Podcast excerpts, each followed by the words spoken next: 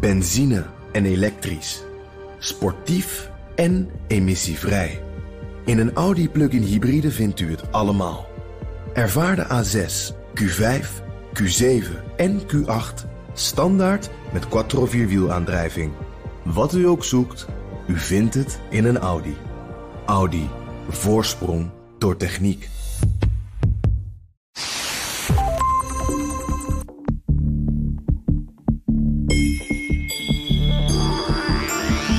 Was jij toen het coronavirus uitbrak? Ik was in Melbourne, aan de keukentafel van mijn waipo, mijn oma. En ik weet nog dat ze verschrikt opkeek van haar telefoon en zei: Er is een virus in China. Wat als Li China niet meer uitkomt? Li is mijn oom. En voor Chinees nieuwjaar zou hij ook naar Melbourne komen. Uiteindelijk bleek dat gelukkig geen probleem. En dat terwijl hij eind november nog in Wuhan was geweest. Elke keer als mijn oom nieste of kuchte, maakten we er grapjes over. Maar op de terugvlucht naar Amsterdam hoopte ik stiekem toch dat ik niet naast die ene proestende kerel hoefde te zitten. Het is nu drie weken later en gisteren appte mijn oom foto's van een half lege vlucht naar China en een stil vliegveld. Hij moet nu eerst twee weken in quarantaine in een platgelegd Beijing. En hij is niet de enige. Bijna de helft van de Chinese bevolking, 780 miljoen mensen, heeft te maken met een vorm van quarantaine.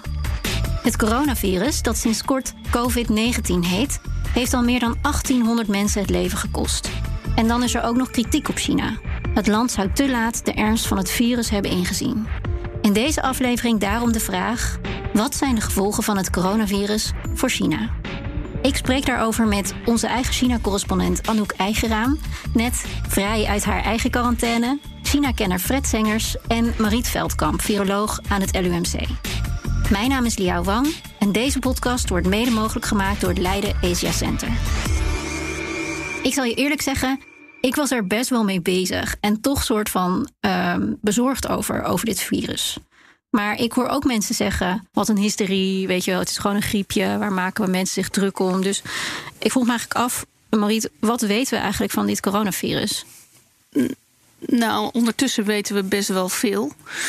Uh, we weten dat het. Uh, normaliter altijd in vleermuizen voorkomt, bijvoorbeeld. Ja. We weten tegenwoordig ook precies de hele RNA-volgorde, dus uh, ja, die hele code. we weten ook dat het heel goed overdraagbaar is van mens op mens. Ja. In tegenstelling bijvoorbeeld tot het oude SARS-virus. Ja. Dat ging minder efficiënt. Dus het is besmettelijker dan SARS eigenlijk, hoor ik je zeggen. Ja, Ja. Daar heeft het alle schijn van. Als je kijkt naar de toename hè, in de tijd van de gevallen, Ja. ehm, ja, dan gaat het veel harder. En is het daarmee ook uh, echt gevaarlijker dan SARS? Uh, nou, wel in de zin van dat er dus veel meer gevallen zijn. Maar als je gaat kijken naar hoeveel mensen eraan overleden, overlijden, dus zeg maar het hardste eindpunt, Ja. uh, dan is SARS gevaarlijker in die zin, want daar overlijdt ongeveer 10% ervan. Ja. En met het nieuwe coronavirus is dat zo'n 2% Soms Ja. lees je 3 procent. Dat zijn ongeveer de getallen die nu worden aangehouden. Als je uh, ziek bent geweest en je bent daarna beter geworden, kun je dan het virus eigenlijk weer een keer krijgen? Ik denk dat dat uh, in de maanden nadat je de infectie hebt gehad, dat die kans vrijwel nihil is. Maar in de jaren die daarop volgen, uh, durf ik dat niet meteen te zeggen. En dat is omdat verkoudheidsvirussen, luchtwegvirussen sowieso um, lastige immuniteit genereren. Dat is ook de reden waarom griep, weet je, dat eens in zoveel jaren krijg je het weer. En daarom moeten we voor griep ook elk jaar vaccineren. In plaats van mazelen is eigenlijk maar één keer genoeg. Dus uh, ik zou daar niet te veel op vertrouwen. Hè, dat als je dit hebt doorgemaakt, dat je levenslang beschermd bent. Daar ga ik niet van uit. En dan gaan er uh, best wel veel geruchten natuurlijk over dingen als dat de incubatietijd veel langer zou zijn dan die 14 dagen. Of uh, dat mensen ook zonder symptomen besmettelijk zouden kunnen zijn, waardoor je het niet weet. Hoe, hoeveel klopt daarvan? Uh, nou, wat die incubatietijd betreft, lijkt het me echt gek als dat langer is dan 14 dagen. Ook de artikelen die ik daarover lees. Uh, vind ik dat ook eigenlijk niet terug. Wat je het meest ziet is ja, drie, vier, vijf dagen. Dus, dus kort. Um, wat de bijdrage is van mensen die dus geen symptomen hebben, maar wel besmet zijn. In hoeverre die dus bijdragen aan de verspreiding. Um, dat is nog steeds niet helemaal duidelijk. Het is wel uh, duidelijk inmiddels dat mensen die geen symptomen hebben, wel degelijk het virus bij zich kunnen hebben. En dus positief zijn in die testen. En, en wat betekent dat verder voor um, verspreiding of het beperken daarvan? Of hoe, hoe we dit virus eigenlijk onder controle kunnen krijgen? Eh, dat dat heel lastig is. Uh, kijk, normaal bij infectieziektebestrijding heb je een aantal uh, trucs, noem ik dat maar, protocollen. Dat je zegt: oké, okay, de mensen die ziek zijn, die, uh, die neem ik als ze ziek genoeg zijn op in het ziekenhuis, isoleer ik en ik ga al hun contacten na en die gaan in quarantaine. maar als mensen niet ziek zijn, ja, waar moet je dan op selecteren? Ja. Dat is verdomd lastig en dat blijkt nu ook wel. Um, en dan moet je dus, of tenminste dat is wat nu in China gedaan wordt natuurlijk, een stapje verder en zeggen, ja weet je, we weten het allemaal niet. Eh, dan, dan, dan ja, uh, gaan we maar een hele groep isoleren van de rest. Ook al zit daar een fors percentage bij van mensen die helemaal niet ziek zijn. Nee, want wat vind jij van de reactie die uh, China heeft, maar ook internationale overheden en de media? Is, staat dat in verhouding tot het gevaar wat het, wat het virus is? Um, nou, ik, kijk, de, wat je in je introductie zei over dat griepje. Uh, daar ben ik het toch niet helemaal mee eens. Ik, ik, denk dat dit wel degelijk meer is dan een griepje. Uh, ik denk ja, dat globaal zo'n 80% inderdaad alleen maar een verkoudheid, griepjeachtig beeld heeft. Maar daarbij komt tussen ja, zo'n 15 à 20% van de mensen. En dat zijn dus ook gewoon volwassenen in, in, in de leeftijd van 40, 50 jaar. Helemaal niet alleen maar ouderen.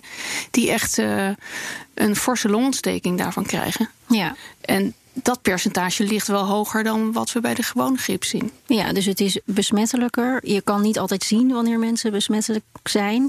En ondanks dat er misschien niet heel veel mensen aan dood gaan, worden wel mensen er echt flink ziek van. Ja, eh, wat betreft wat je zei over je kan niet altijd zien dat mensen uh, uh, besmettelijk zijn. Je kan niet zien dat ze het virus hebben. Maar hoeveel zijn nou bijdragen aan het verspreiden van het virus? Dat is nog wel een vraag die we hebben. Ja. Ja. Want, ja, bovendien, Um, sorry als ik me even mag onderbreken uh, qua, qua die besmetting. Uh, want uh, al die maatregelen zijn natuurlijk van met mondkapjes om te voorkomen dat je het overdraagt hè, via niezen, hoesten en dat soort dingen. En hè, fijne druppeltjes in de lucht. Maar in yeah. Hongkong bijvoorbeeld is er ook op een gegeven moment een flatgebouw ontruimd. Omdat het vermoeden was dat het zich daar via de riolering en het, de, de, mm -hmm. die mensen die deelden allemaal dezelfde afvoer in Ja. het gebouw, dat het zich zo heeft verspreid. Want er was niemand die daar besmet was. Dus um, ja, het kan op een gegeven moment dus ook kennelijk via vocht en zo in de lucht weer worden overgedragen. Ja, ik heb dat uh, ook gezien. Ik zag tekeningetjes van die flat. En dan bij doortrekken dat er hoge druk zou ontstaan. En dat er pakkingen zouden zijn waarbij dan uh, ja, kleine druppeltjes zouden kunnen ontstaan. Uh, dat kan. Op zich is dat ook een scenario's die zich hebben afgespeeld bij het oude SARS-virus. Ja. dus dat men toen dacht, ja, hè, laten we dan uh, daar rekening mee houden en onze maatregelen daarop aanpassen. Dat snap ik wel. Ja, dat ja. maakt het inderdaad nog ongrijpbaarder in die zin. Ja. Ja. ja, want hoe is dit virus eigenlijk anders dan het SARS-virus? Los van wat je net aangaf, de kenmerken van het virus, zeg maar. Hoe uh, is de reactie bijvoorbeeld ook anders?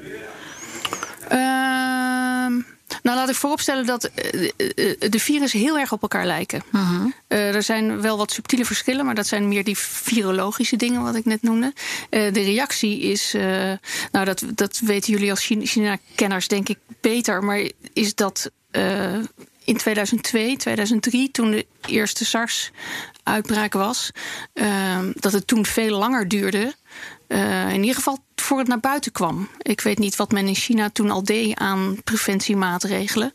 Maar dat is allemaal wel veel en veel sneller gegaan nu. Ja, Fred, jij bent China-kenner. Wat denk je dat de reden is dat China nu veel sneller en veel, ja, naar wat het lijkt, opener is met informatie? Nou, dat heeft voor een deel te maken met gewoon ervaringen uit het verleden. En dan denk ik niet alleen aan, uh, aan de SARS-uitbraak van, uh, van 2002, 2003. Maar er zijn natuurlijk meer uh, zaken geweest in China. Denk aan de grote aardbeving in 2008 of het, het hogesnelheidstreinongeluk in 2011. Een stukje bij beetje zie je dat, da, dat men toch blijkbaar wel iets leert van het verleden. Zorgt voor protocollen, zorgt ook voor een bepaalde mate van openheid. En wat je natuurlijk ook niet moet vergeten, is dat de wereld in de tussentijd ook is veranderd. het is een stuk moeilijker geworden voor overheden om, als je dat al zou willen, dingen stil te houden. Dus in die zin denk ik dat, dat er twee redenen zijn waarom men eigenlijk de stap voorwaarts heeft gezet en zegt van ja, op een gegeven moment moeten we toch gewoon naar buiten. En dan blijft natuurlijk altijd nog de vraag van horen we alles en klopt het? Maar, ja, maar, maar goed, je hebt gelijk. Het is ogenschijnlijk een stuk opener en, en transparanter dan we in het verleden gewend waren in China. Ja, dat is inderdaad natuurlijk nog steeds de vraag van hoe betrouwbaar is het dan wat er naar buiten komt. Ik, ik was benieuwd, Anouk, jij was daar in Beijing en later in Wuhan. En later was je hier en heb je alles in de media gelezen. Nou, waarschijnlijk toen je daar was ook. In hoeverre heb jij het gevoel dat er waarheidsgetrouw informatie naar buiten komt en wordt gerapporteerd? Ja, dat is altijd moeilijk te zeggen bij China, want daar kom je dus nooit achter. uh, dat kan je eigenlijk niet weten. Uh, het enige wat je zeker weet is dat um, je altijd twijfels erover kan hebben. Um, want ja, um, naar buiten komen, ik bedoel, inderdaad is er sneller gereageerd dan de vorige keer tijdens de SARS-crisis. Maar er is nog steeds heel lang zijn de signalen genegeerd. Hè, en de, de arts die nu overleden is, die de eerste was die iets signaleerde van... hey, ik zie dat er misschien een virus is wat lijkt op SARS. Uh, die is meteen eerst de mond gesnoerd door de lokale overheid. Uh, en dat was al in december dus.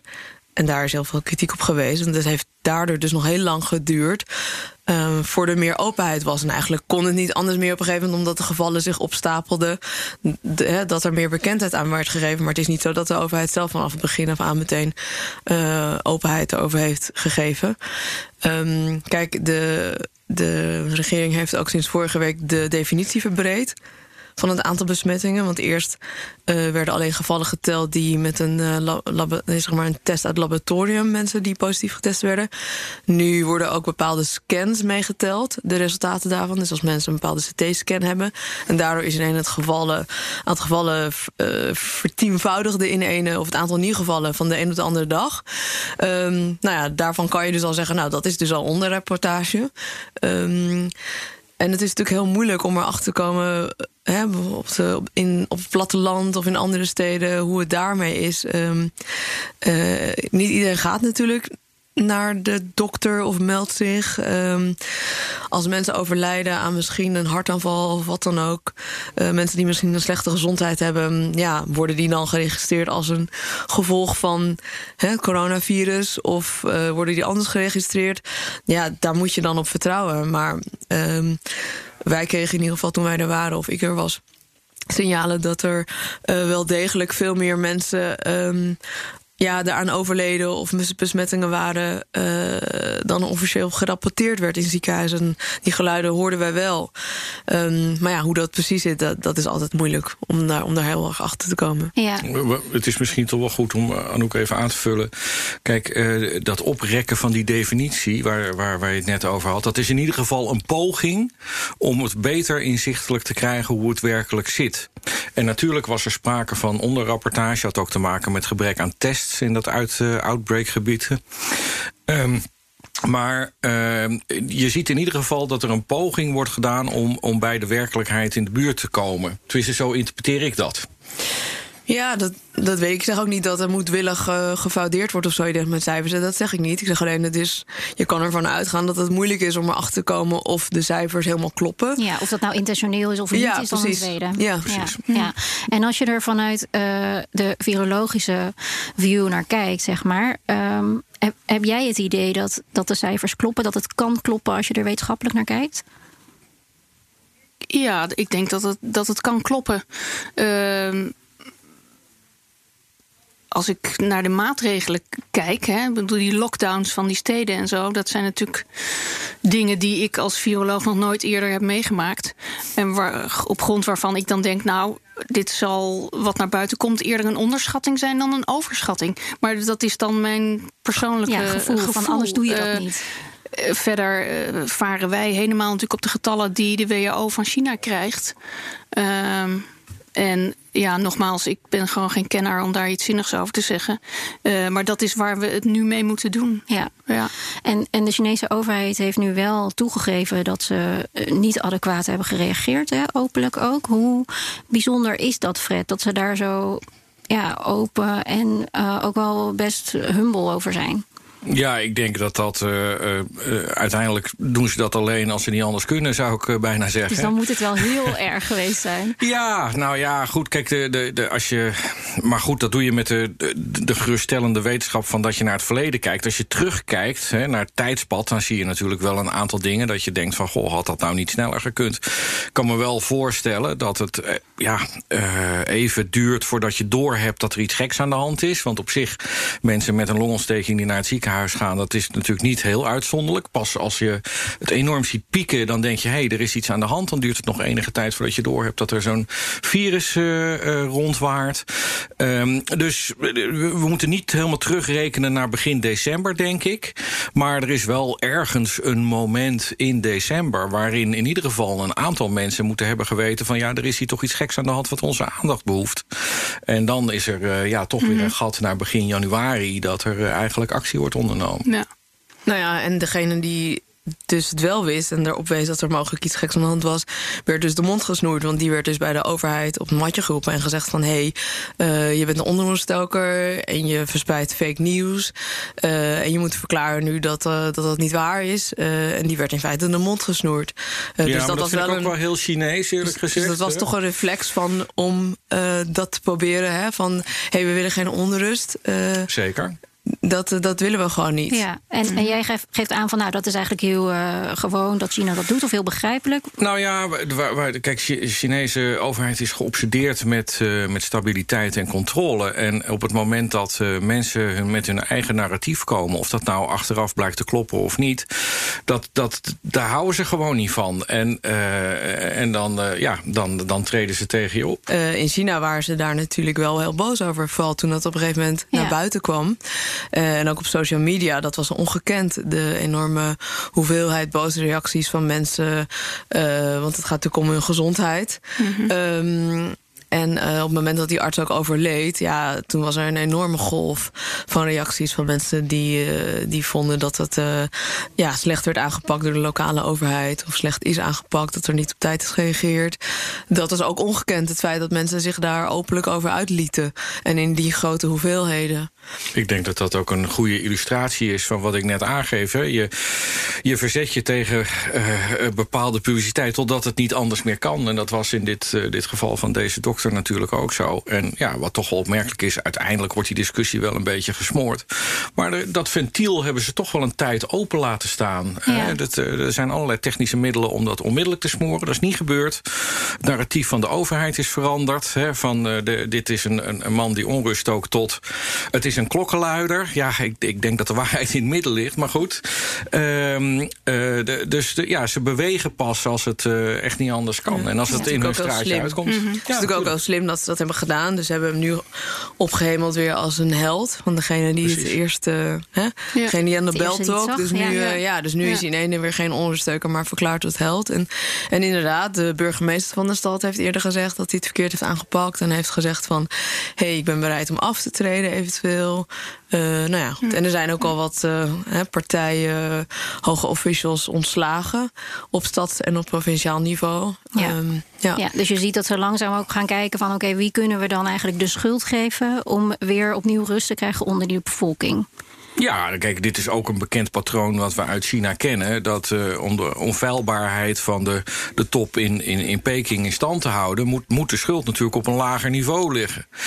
Uh, en, uh, de, en, en, en deze mensen, ja, die zijn natuurlijk niet schuldig aan, aan het feit dat er een nieuw virus is ontstaan. Maar die wordt wel verweten dat ze niet adequaat en snel gereageerd hebben. Ja, het is overigens in de infectieziektebespreiding altijd een dilemma wanneer je naar buiten treedt met dit soort dingen. We hebben natuurlijk in Nederland de Q-koorts-affaire. Ik bedoel, dat heet al affaire gehad. Maar wij hebben natuurlijk ook uh, lang hebben zitten aarzelen. Wat is dit? Weet je, signalen van huisartsen, GGD's. Uh, dus, dus ook hier kan het lastig zijn. Ja, en er is altijd misschien wel een balans tussen. Uh, paniek ja. en, en uh, stabiliteit, zeg maar, aan de ene kant. En aan de andere kant wil je wel mensen waarschuwen. Ja, je en... moet al die dingen meenemen. Nou ja, er wordt nu ook gezegd van, joh, er is door de Communistische Partij zelf bekendgemaakt dat Xi Jinping waarschijnlijk de president en partijleider in wat eerder stadium al op de hoogte was van deze uitbraak. Nou, dat roept natuurlijk ook weer nieuwe vragen op. tegelijkertijd kun je natuurlijk ook zeggen: ja, als je inderdaad zo, zulke ingrijpende maatregelen voorbereidt als een lockdown van een gebied waar, waar meer dan 50 miljoen mensen wonen, ja, daar kan ik me ook voorstellen dat dat niet in 24 uur geregeld is. Dus de, en, en, en dat je daar ook niet onmiddellijk toe beslist. Hè? Dat je misschien wel scenario's laat ontwikkelen van we kunnen dit doen, we kunnen dat doen. En je kijkt naar wat de mogelijke voordelen en gevolgen zijn. En dat je dan, mhm. ja, op een gegeven moment is blijkbaar die kogel door de kerk gegaan. En toen die kogel door de kerk was, Anouk, toen, toen was jij daar? Of uh, toen reisde je naar Wuhan, hè? Uh, kun je vertellen wat je daar aantrof? Um, ja, ik kwam er um, in de avond aan. Uh, mijn vlucht was die ochtend geannuleerd inderdaad, omdat de stad in lockdown ging. En ik had eigenlijk uh, uitgerekend dat ik er nog zou arriveren voordat de stad op slot zou gaan, om tien uur s ochtends. Uh, maar toen gingen ze de ochtendvluchten toch ook al uh, annuleren, helaas. Dus toen heb ik de trein gepakt. en tot mijn verbazing stopte die in Wuhan. um, terwijl ook alle treinverkeer en zo was opgeschort. Maar de trein reed er doorheen op weg naar een andere stad en stopte er toch. Ja, het was gewoon verlaten. Het was totaal desolaat. Er was bijna geen verkeer op straat. Uh, het station was totaal leeg. Uh, bijna geen mensen op straat. En dat was ja, de hele verdere uh, tien dagen dat ik er was, bleef dat zo. Was er niemand die tegen je zei van je mag die trein niet uit? Nee, het integendeel. Er werd aangekondigd dat het zijn ging stoppen. Dus, uh, En stapten er meer mensen uit? Of jij nee, er stapte één iemand anders uit die ook in de stad woonde. Daar heb ik samen een taxi mee gepakt. Uh, en uh, die woonde er ook. En die was ook verbaasd dat de trein stopte eigenlijk. Daar had hij ook niet verwacht. Die had er ook op gerekend dat hij naar die andere stad zou doorreizen. Um, ja. Nou ja, en dat was natuurlijk een ja, hele rare situatie. Uh, dat uh, er verder geen mensen op straat waren. Dat het heel stil was. Ik gewoon kon, eh, kon vogels horen en dat soort dingen. Bizar. Ja, het is heel uh, vreemd. En je weet natuurlijk een miljoenenstad. En dat was in Peking en Shanghai. Uh, is gewoon altijd druk en veel verkeer. Uh, en nu uh, wist je dat in al die grote appartementen, flats en zo, dat daar mensen achter de ramen zaten. Ja. Die ook gewoon binnen zaten. Ja, en heb je, heb je die mensen kunnen spreken? Nou, niet de mensen die binnen zaten, maar af en toe kwam je mensen tegen meerdere mensen moesten natuurlijk af en toe wel een boodschap doen. Dus als je naar de supermarkt ging, dan waren er wel een aantal mensen. Uh, en daar sprak je dan mee. En je kwam wel eens een paar mensen tegen op straat. Maar ja, als ik twee uur buiten was, dan nou ja, misschien dat ik dan vijf of tien mensen tegenkwam. Uh, dus dat geeft wel aan hoe weinig dat is. Ja, en hoe is de sfeer dan op straat? Negeren mensen elkaar compleet? Of wordt er wel een praatje gemaakt? Of hoe gaat dat? Nee, in principe zijn mensen bezig doelgericht met de boodschap te halen die ze moeten hebben. Dus dan gingen mensen nog naar een apotheek die misschien nog open was. Uh, mensen naar de supermarkt of de groentewinkel. Want ja, in iedere ja, zeg maar, wijk was er wel een winkel open. En in vooral in de grote staten was, was er niks open. Als je iets meer naar de wat buitenwijken ging, of de kleine straten, dan was er iets meer open. En dan zag je ook wel iets meer mensen op straat. Uh, maar iedereen was gewoon bezig met dat te gaan doen. En dan, je zag niet mensen gezellig gaan uh, even bijstaan kletsen of zo met de buurvrouw. Nee. Had je het gevoel dat mensen bang waren? Uh, nee, het is niet alleen het gevoel. Mensen vertelden natuurlijk ook... Uh, natuurlijk, iedereen was bang. Je zit daar in het epicentrum van de virusepidemie. Mensen maken zich natuurlijk bezorgd om hun familie, geliefden... Uh, om hun werk. Ze moeten binnen blijven. Dus ook na verloop van tijd, hoe langer dat duurt... wordt dat voor hen ook vervelend. En zij zien natuurlijk ook die getallen stijgen. Um, um, dus ja, dat is natuurlijk... daar, daar maken ze zich natuurlijk ook ongerust over. Ja, en op een gegeven moment uh, ging de Nederlandse overheid ging mensen terughalen, uh, waaronder jij. Wanneer besloot je, uh, ik ga terug? Ja, op een gegeven moment gingen eigenlijk allerlei landen hun inwoners terughalen. Ehm, vooral de eerste Amerikanen en zo en de Fransen. En op een gegeven moment bleek dat er meerdere EU-landen dat gingen coördineren. Um, dus toen werden wij natuurlijk gebeld door de Nederlandse ambassade van willen jullie mee op die vlucht? Ja, toen heb ik eerst overlegd met de hoofdredactie van het FD. Van wat doen we en ga ik terug of niet? Um, ja, toen hebben we uiteindelijk besloten van dat dat het verstandigst was. En ook omdat het er naar uitzag dat dit nog heel lang ging duren, mogelijk maanden. Mhm. En dat dan nog maar de vraag is of je dan weg kan komen. Ja, dat het uh, misschien wel je enige kans is om, uh, om te Ja, en je kan natuurlijk uh, maar een beperkt aantal soort verhalen maken of blijven maken. Ehm, kijk, je hebt ook te maken met je eigen equipment. Hè. Mondkapjes waren dus al uitverkocht natuurlijk. Ja. En ja, die van mij begonnen natuurlijk op een gegeven moment ook op te raken. Dus daar moet je ook om denken. Dus dan kan je misschien niet zo heel veel meer. Het was niet vrij reizen daar. We hadden één taxichauffeur die af en toe met ons mee kon om ons te rijden. Openbaar voer was het dus niet. En verder is er geen andere manier om je te verplaatsen door een hele grote stad dan de deelfiets. Maar daar kom je niet heel ver mee. Dus je hebt ook niet zo heel veel keuze op een gegeven moment om terug te gaan. Ook ja, ik woon daar niet. Uh, ik heb daar verder geen spullen. Um, ja, dus het was wel het verstandigste. Ook al zegt natuurlijk je journalistieke hart van, nou ja, je wil liever hier blijven. Maar ja, aan de andere kant, in heel China gebeuren natuurlijk op dit moment allerlei dingen. Ja. En ook in Peking. Uh, dus als je daar blijft zitten, kan je daar dan ook weer niet over berichten. Dus ja. Ja, en uh, toen je terugkwam, moest je meteen in quarantaine. Hoe, uh, hoe was dat voor jou? Ja, dat was een voorwaarde van de Chinese overheid. Dat iedereen die geëvacueerd werd uit het land in quarantaine ging. Van de Chinese overheid, ja. dus niet van de Nederlandse? Nee. Okay. Um, dat was de enige voorwaarde. En uh, ja, dus daar voldoe je dan gewoon aan. Ik vond het niet uh, verschrikkelijk. Um, het was allemaal heel goed verzorgd. Er werden netjes opgevangen door uh, het ministerie in Defensie. Mensen waren heel aardig, kregen goed te eten. Um, ja, en verder ik heb een paar dagen niet zoveel gedaan, maar verder ja, gaat ook gewoon het werk door. Dus ik heb verder ook weer heel hard gewerkt. Mm, en uh, ik denk dat het voor mensen die niet konden werken vanaf daar, dat het daar wat lastiger was. Want dan zit je natuurlijk wel echt 14 dagen een beetje te lezen en te Netflix. En dat gaat wel vervelen, denk ik, op een gegeven moment. Ja. Ik denk dat Anouk de enige is die eh, goed gegeten heeft bij Defensie. Uh. nou, nee, het was uh, iedereen daar. Ja, het was echt. Uh, ik denk dat ze ook bang waren, misschien dat ze ons niet genoeg te eten gaven of ja, zo. Het was, het was heel erg ruimhartig. Wil je terug naar China?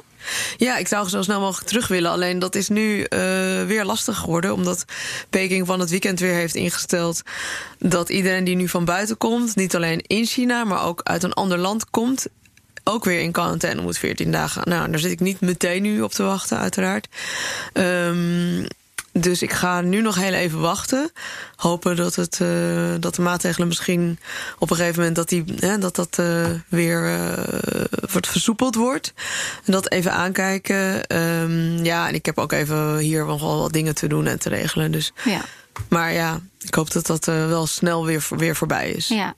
ja, want inderdaad, in Beijing is nu weer ingesteld dat iedereen die daarheen reist 14 dagen in quarantaine moet. Dus natuurlijk nog steeds ja. de helft van de bevolking heeft te maken met een vorm van quarantaine of limiet op reizen. Ja, en in Shanghai en andere grote steden is dat ook, hè? Meer of mindere mate. Het hangt ook heel erg af van de wijk waar je woont en wie dat besluit. Dus dat is allemaal heel onzeker en onduidelijk. Dus ook als je naar Shanghai gaat, loop je gewoon het risico dat iemand zegt van hé, hey, ja, ga maar binnen zitten 14 dagen. Ja. Ehm, ja, fabrieken zijn natuurlijk ook en scholen, universiteiten, alles is wekenlang dicht geweest. Gaat nu langzaam, beetje bij beetje weer open. Ehm, Fred, wat gaat China hiervan merken op de, op de lange termijn? Nou ja, daar, daar gaat eigenlijk één vraag aan vooraf. En dat is uh, hoe lang gaat dit hele uh, gebeuren nu eigenlijk duren? En dat, daar, daar kunnen we natuurlijk geen zinnig woord over zeggen. Dus je ziet wat cijfers die er misschien op zouden kunnen duiden dat de piek van de uitbraak geweest is. Is nog altijd het risico natuurlijk, maar goed, dat moet Mariet uh, maar zeggen, van een secundaire uitbraak uh, elders. Dan begint het allemaal weer opnieuw. Ja. Uh, dus dat is allemaal lastig om daar iets ja. over te zeggen. wat je in ieder geval, ja, kijk, je, het was geluk bij een ongeluk, mag je dat zo zeggen. Dat, uh, dat dit allemaal rond de periode van Chinees nieuwjaar plaats had. Waarin ja, het, het, het productieve leven in China toch al voor een belangrijk deel uh, plat ligt. Die periode die is wat opgerekt. Maar ja, op een gegeven moment gaat het natuurlijk wel pijn doen. En dat, dat merk je nu. En dan, ja, daar wordt natuurlijk al gezegd, er zijn bepaalde industrieën die moeten echt aan de slag. er zijn bepaalde industrieën, daar wordt het nog een beetje aan de, de, de interpretatie interpretatie van de mensen zelf overgelaten. Nou, ja, er worden zijn natuurlijk mensen die zeggen: ik wil zo lang mogelijk thuiswerken als dat kan. Ja, als je kantoorwerk doet, kan dat misschien, maar als je in de fabriek werkt, kan dat natuurlijk niet. Maar je Ja, merkt het nu al, toch? De Ja, gevolgen dat zijn nu al heel erg zichtbaar. ja. Allerlei bedrijven die natuurlijk nu al klappen krijgen. Toerisme. Nou ja, wat je natuurlijk ziet is dat wij die, eh, die, die, die productieketens, eh, zoals ze dat dan noemen, die zijn natuurlijk steeds internationaler geworden en just in time. Dus eh, bedrijven willen van voorraden af, dus die laten de spullen komen op het moment dat ze hem nodig hebben. Ja, als er dan een verstoring van dat proces optreedt, en ja, we hebben het hier over de tweede economie ter wereld, dus allicht dat dat productieketens gaat verstoren, ja, dan gaan we dat merken. Ja, er zijn nu al natuurlijk een heleboel bedrijven. Kijk, er zijn een heleboel bedrijven, ook, ook Nederlandse bedrijven, hè, die afhankelijk zijn van toeleveranciers in China. Onder andere, denk aan ASML. Ehm, en die moeten natuurlijk nu allemaal op zoek naar alternatieven. Eh, dat is best lastig, om dat allemaal geregeld te krijgen op korte termijn. En er zijn natuurlijk dus ook al Nederlandse bedrijven die last van hebben. De Nederlandse eh, luchtvaart, eh, hoe zeg je dat, vrachten, luchtvracht. Rotterdamse haven heeft ook al gezegd dat hier de gevolgen van merken. Ehm, en volgens mij is de hoop, maar dat moet Marita maar zeggen, hè, dat misschien dit virus, als het warmer wordt, zal verdwijnen. Nou ja, dat, die coronavirusfamilie, hè, daar zijn er vele leden van. Die, dat zijn wel typisch ja, verkoudheidsvirussen. En verkoudheden hebben we natuurlijk vaak in de winter. Ehm, overigens zijn er nu ook wel studies die zeggen... nou, eh, als je kijkt naar eh, gevoeligheid voor vochtigheid, eh, warmte... dus klimatologische omstandigheden die ik gewoon kan nabootsen... ehm, zien we daar nou niet heel veel hoop dat dit, eh, zoals Donald Trump even zei... in april allemaal wel weg zal zijn. Dus dat wordt echt nog eh, of afwachten. Ja, en zijn er zeg maar scenario's of zo, of zo waar we in denken van nou, het zou kunnen dat het stabiliseert of dat we de piek bijna gehad hebben. Het zou nog kunnen dat het eh, nog een keer veel erger wordt. Nou ja, die, die piek, hè, dus er worden nu wel de afgelopen dagen iets minder nieuwe gevallen per dag gesignaleerd. Dus dat is eh, wel hoopvol. Eh, waar we natuurlijk allemaal op hopen dat het uiteindelijk toch een soort SARS-1-scenario gaat worden, waarbij het uiteindelijk verdwijnt. Hè, echt door deze maatregelen. Hoe lang dat zal zijn, daar kan je vast heel mooi aan rekenen, aan modelleren. Maar dat, daar brand ik mijn vingers niet aan. Dat is echt gewoon mijn expertise niet. Ehm, ja, dat is te hopen dat als dat gebeurt, in ieder geval dat het dan voor de zomer zeg maar wel zo ver is, zodat je niet eh, ja, het virus overzomert, noem ik het maar even, en dan vervolgens weer dat we een nieuwe cyclus ingaan. Maar dat is, dat is eh, lastig. Heel lastig om een, je te eh, voorspellen. bekende Chinese viroloog, wiens naam ik nu even niet paraat heb. Eh, Die heeft drie scenario's geschetst. Waarbij het, eh, het gunstigste scenario is dat we rond deze tijd een beetje een afvlakking en misschien zelfs een daling gaan zien in het, in het aantal mensen dat, dat hieraan leidt. Ehm, dus een afvlakking van de instromen. Mhm. en, eh, en, en dat er op een gegeven moment mensen genezen verklaard worden. Dus dat het totale aantal patiënten afneemt. En Ja. dan nog heeft hij het over van ja, dan, dan zitten we al tegen de zomer dat we kunnen zeggen dat het echt helemaal onder controle is. En dat is dan het, het gunstige scenario. Ja, En, en het slechtste scenario? Nou ja, dan, eh, dan zegt hij: stel je voor dat we secundaire uitbraken krijgen. Hè, dus buiten eh, Wuhan, het, het, het huidige uitbraakgebied. En dan begint de hele, het hele circus natuurlijk weer opnieuw. pneu Eh, en dan hebben we het alleen nog maar over China zelf. Hè? Ik wou net zeggen, acht je dat waarschijnlijk in China, wat daar nu zo alert op is, dat we dus een, een, een, grote uitbraak, want er zijn natuurlijk her en der in China kleine Nou ja, punt is, we hebben het dat net al even aangeraakt. Hè, toen, eh, toen Anouk het had over die, die onderrapportage. Een van de, eh, de redenen waarom in het begin niet iedereen in, in Wuhan naar het ziekenhuis ging, heeft natuurlijk met die ziektekosten in China te maken. Je, je bent verzekerd voor de helft van de kosten. Nou, voor veel mensen is het niet weggelegd om in een ziekenhuis behandeld worden, laat staan voor iets chronisch. Hè. Ehm, eh, eh, dus veel mensen die, die lagen gewoon op hun appartementje te hoesten en te proesten. En konden daarmee allerlei andere mensen, familieleden aansteken. Nou, dat is ook de, een van de redenen waarom de overheid heeft gezegd. In dat uitbraakgebied wordt gezondheidszorg helemaal gratis. Om in ieder geval ja, die, die financiële drempel te verlagen. Neem niet weg dat ja, het, het gezondheidssysteem daar natuurlijk volkomen overlopen is door de aantallen. Dus of je nou zoveel beter van wordt als je naar het ziekenhuis gaat, dat weet ik eigenlijk niet. Maar goed. Maar dat kan in buiten het uitbraakgebied natuurlijk ook gebeuren. Waar die, eh, die, die gezondheidskosten nog niet gratis zijn. Dat iemand zegt, ja, ik voel me niet lekker. Ik, eh, maar ja, eh, wat, wat moet ik doen?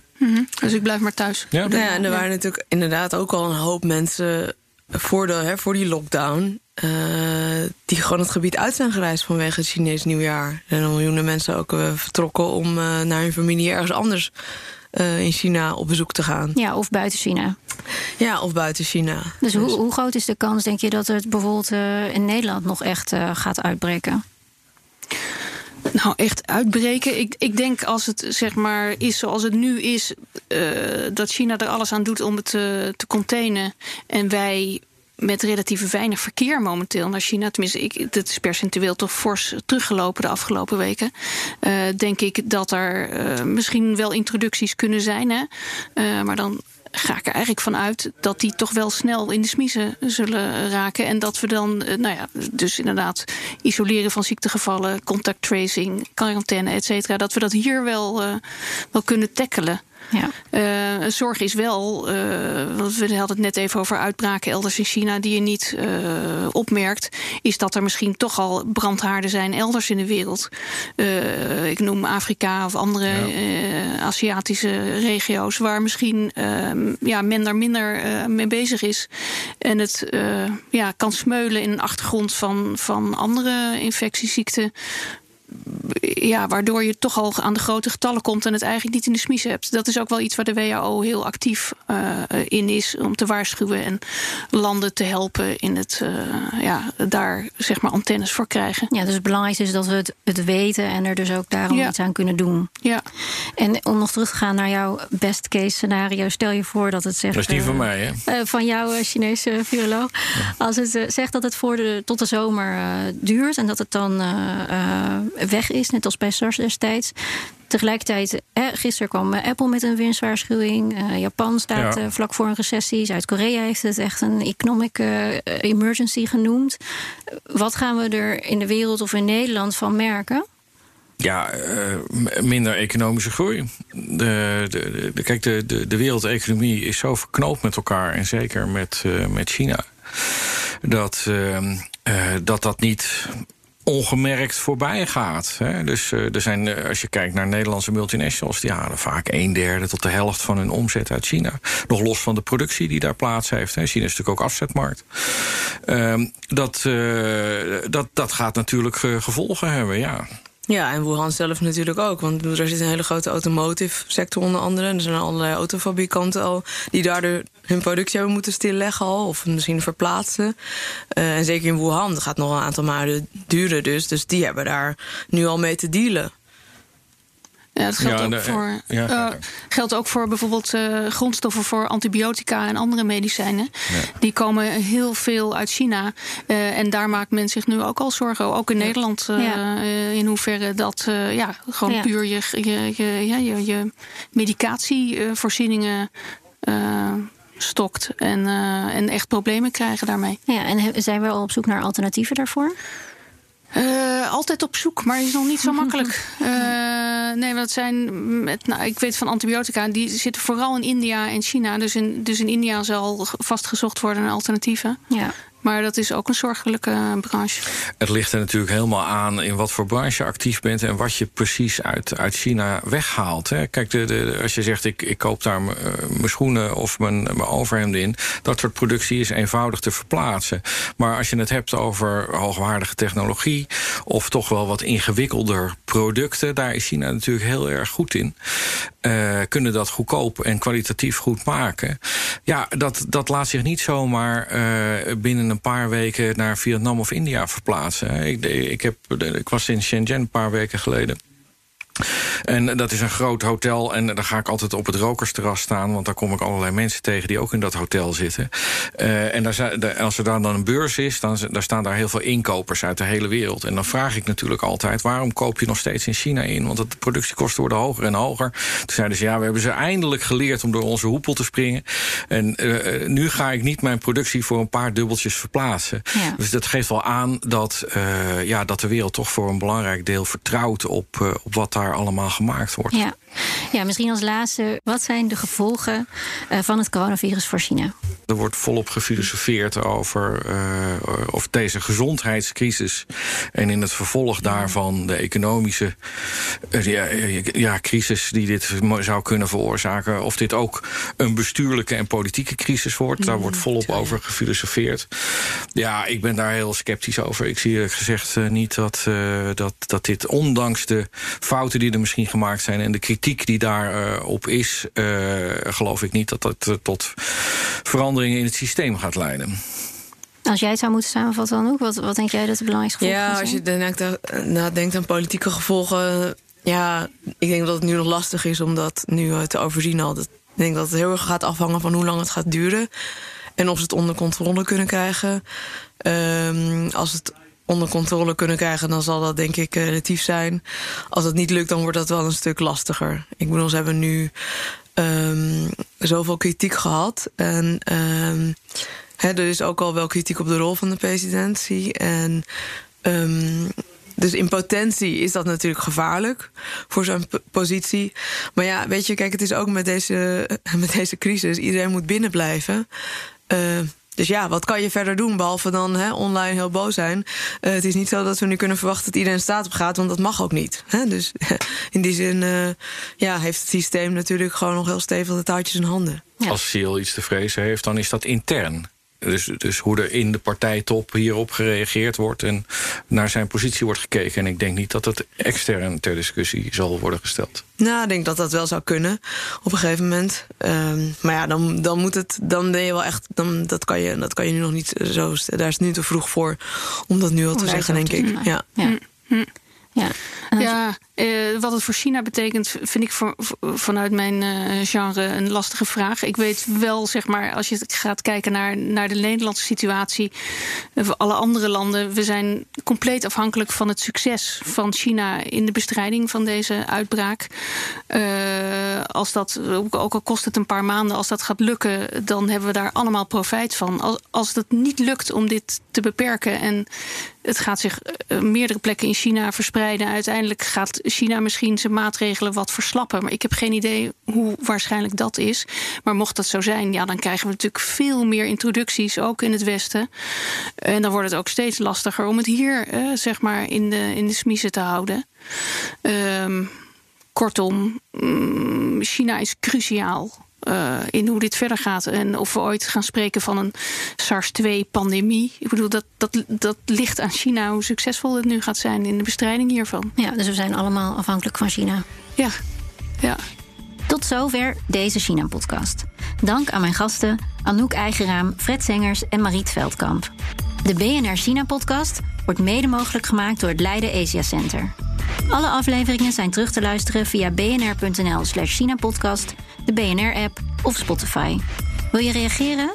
Dat kan via podcast.bnr.nl. Tot over twee weken.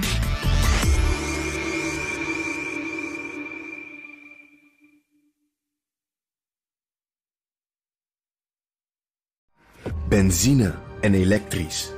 Sportief en emissievrij. In een Audi plug-in hybride vindt u het allemaal. Ervaar de A6, Q5, Q7 en Q8 standaard met quattro vierwielaandrijving. Wat u ook zoekt, u vindt het in een Audi. Audi. Voorsprong door techniek.